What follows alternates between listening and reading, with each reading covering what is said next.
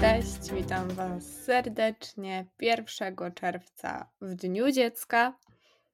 Z tej strony Ewa Matusiak i zapraszam Was na 217 odcinek Cyber Cyber w formie raportu.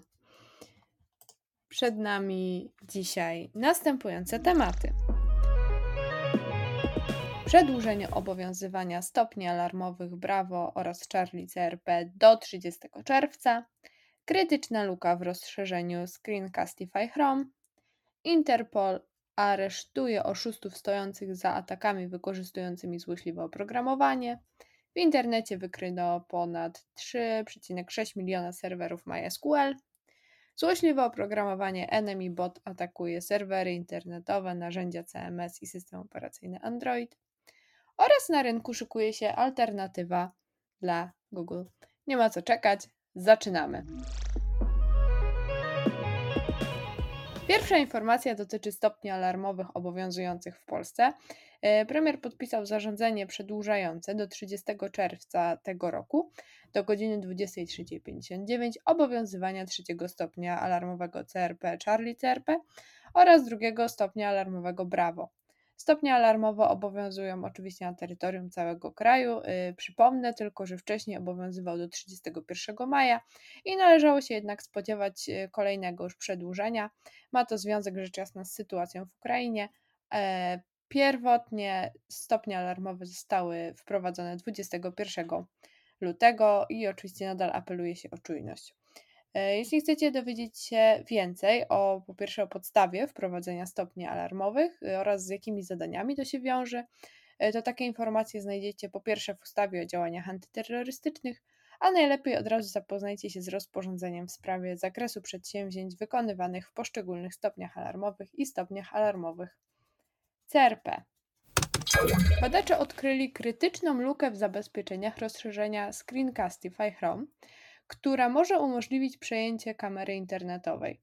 Błąd ten może zostać wykorzystany do ukrytego nagrywania filmów oraz ich kradzieży wraz z innymi danymi z konta Google, na którym film zostanie zapisany. Hmm, Screencastify jest to rozszerzenie umożliwiające nagrywanie ekranu i jest używane często w celach edukacyjnych. Oprócz tego możliwe jest także zapisanie tego nagrania i udostępnianie go późniejsze. Zwykła funkcjonalność Screencastify obejmuje integrację z jego stroną internetową w celu edycji np. wideo i uzyskania pełnego dostępu do dysku Google, Google w celu przechowywania nagranych filmów. Po analizie Screencastify okazało się, że jest on jednak podatny na atak XSS. Problem pojawia się, gdy użytkownik próbuje przesłać kolejny już film do zadania e, w Google Classroom. E, pojawiła się już nowa wersja Screencastify 2.70.45.17, e, ale błąd został naprawiony niestety tylko y, częściowo, dlatego użytkownicy e, mogą spodziewać się wkrótce już kolejnej aktualizacji, gdzie będą y, wdrożone kompletne poprawki. Do tego czasu sugeruję jednak odinstalować wtyczkę i jej po prostu nie używać. Interpol ogłosił w poniedziałek aresztowanie trzech Nigeryjczyków oskarżonych o wykorzystywanie trojana zdalnego dostępu agent Tesla w oszustwach finansowych. Oszuści wykorzystywali to złośliwe oprogramowanie do przekierowywania transakcji finansowych i kradzieży poufnych danych, w tym informacji o połączeniach od organizacji naftowych i gazowych e, z Azji Południowo-Wschodniej, Bliskiego Wschodu i Afryki Północnej. Zostali oni aresztowani, e, tych trzech Nigeryjczyków, w ramach globalnej operacji o nazwie Killer Bee, w którą zaangażowane były organy ścigania w aż 11 krajach Azji Południowej. Jeden z zatrzymanych dostał już karę i jest to 12 miesięcy pozbawienia wolności, dwóch pozostałych wciąż czeka e, na wyrok. Aresztowani mieli w momencie zatrzymania fałszywe dokumenty, a po zbadaniu ich laptopów i telefonów okazało się, że systematycznie wykorzystywali agenta Tesla do uzyskiwania dostępu do komputerów ofer i przekierowywania transakcji finansowych. E, malware agent Tesla był wykorzystywany od 2014 roku i był dostarczany za pomocą wiadomości phishingowych. Co ciekawe, według raportu Enisy straty można wycenić na ponad 26 miliardów euro tylko w 2020 roku, a FBI podaje, że same skargi i włamania na pocztę e, kosztowały niemal 2 miliardy dolarów.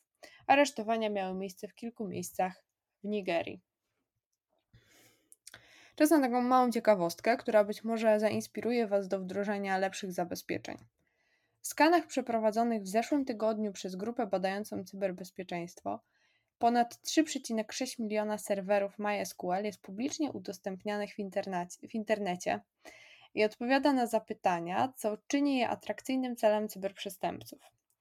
Spośród tych dostępnych serwerów MySQL ponad 2 y, miliony wykorzystuje IP w wersji czwartej, a nieco ponad milion y, serwerów IP w wersji szóstej. Wszystkie serwery korzystały z domyślnego portu TCP 3306. Krajem z najbardziej dostępnymi serwerami MySQL są Stany Zjednoczone, przekraczające e, milion. Inne kraje o znacznej liczbie to Chiny, Niemcy, Singapur, Holandia, a nawet Polska. E, zastanawia mnie tylko, ile z nich to są tak naprawdę honeypoty. E, jednym z najczęstszych wektorów kradzieży danych są właśnie niewłaściwe zabezpieczone bazy, zabezpieczone bazy danych, które administrator powinien zawsze blokować, aby zapobiec nieautoryzowanemu dostępowi zdalnemu. Niezabezpieczanie serwerów baz MySQL może skutkować po pierwsze wyciekami danych, ale również atakami ransomware, zainfekowaniem trojanem zdalnego dostępu lub innymi destrukcyjnymi atakami. Malware IoT Enemy Bot dość szybko ewoluuje, a atakuje systemy zarządzania treścią, serwery internetowe i urządzenia z systemem Android. Według analizy bazy kodu złośliwego oprogramowania przeprowadzonej przez AT&T, Enemy Bot czerpie z kodu używanego przez inne botnety, takie jak Mirai lub Zbot. Badanie zespołu badawczego Alien Lab wykazało z kolei cztery główne sekcje złośliwego oprogramowania, e, o których oczywiście więcej przeczytacie w artykule pod odcinkiem. Ci sami badacze publikują listę luk, które są obecnie wykorzystywane przez Enemy Bota, niektóre z nich nie mają nawet jeszcze CVE. I lista podatności zawiera y, podatność Log4Shell, urządzenia F5 Big IP i inne. Niektóre luki, takie jak na przykład Adobe Cold Fusion 11, nie zostały jeszcze przypisane do CVE. Jego głównym celem jest przeprowadzenie rozproszonych ataków typu DDoS, ale malware posiada również moduły do skanowania w poszukiwaniu nowych urządzeń docelowych i infekowania ich. Użytkownikom zaleca się korzystanie z odpowiednio skonfigurowanej zapory sieciowej i skupienie się na zmniejszeniu narażenia serwerów Linux i urządzeń IoT na internet. E, innym zalecanym działaniem jest monitorowanie ruchu sieciowego, skanowanie portów wychodzących i szukanie podejrzanego e, wykorzystania przepustowości. Oprogramowanie powinno być aktualizowane automatycznie i aktualizowane e, zgodnie z najnowszą aktualizacją zabezpieczeń. Czy Proton stanie się alternatywą dla Google? Proton Mail został założony w 2014 roku i od tego czasu jest polecany jako dobra, zaszyfrowana poczta e-mail. W zeszłą środę natomiast y, Proton ogłosił, że zmienia nazwę z Proton Mail na Proton i przy okazji zmienili też wygląd tego maila y, oraz zapowiedzieli, że będą oferować dużo więcej usług, ale tym razem w ramach płatnej subskrypcji. Abonenci Proton będą mieli dostęp nie tylko do zaszyfrowanej poczty e-mail i VPN, ale także do zaszyfrowanego kalendarza, platformy do i platformy do przechowywania plików.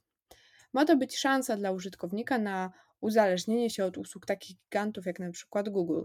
Jak mówi CEO y, Protona, ich definicja prywatności jest, uwaga, cytuję, czystsza, prostsza i bardziej autentyczna, nikt nie może wykorzystać Twoich danych. Ponadto deklarowane jest zastosowanie szyfrowania end-to-end i szyfrowania homomorficznego. E, natomiast no, inicjatywa jest bardzo ciekawa i na pewno warta uwagi. Natomiast w zeszłym roku ta sama firma była krytykowana za udostępnienie IP użytkownika na żądanie policji. Co ciekawe, firma odniosła się wtedy do tych zarzutów i oświadczyli, że e, otrzymali prawnie wiążący nakaz ze szwajcarskiego Federalnego Departamentu Sprawiedliwości którego byli zobowiązani przestrzegać oraz doszło do czynu sprzecznego z prawem szwajcarskim. Więcej o tym możecie przeczytać w ich raporcie transparentności, który publikują. Poza tym odsyłam oczywiście do wywiadu y, CEO Protona. I to wszystko, co dzisiaj y, dla Was przygotowałam. Za nami szybki przegląd newsów z ostatnich 24 godzin. Ja Wam życzę miłej środy, szczególnie, że dzisiaj Dzień Dziecka. Y, do zobaczenia w kolejnym Cyber Cyber Raport. Cześć!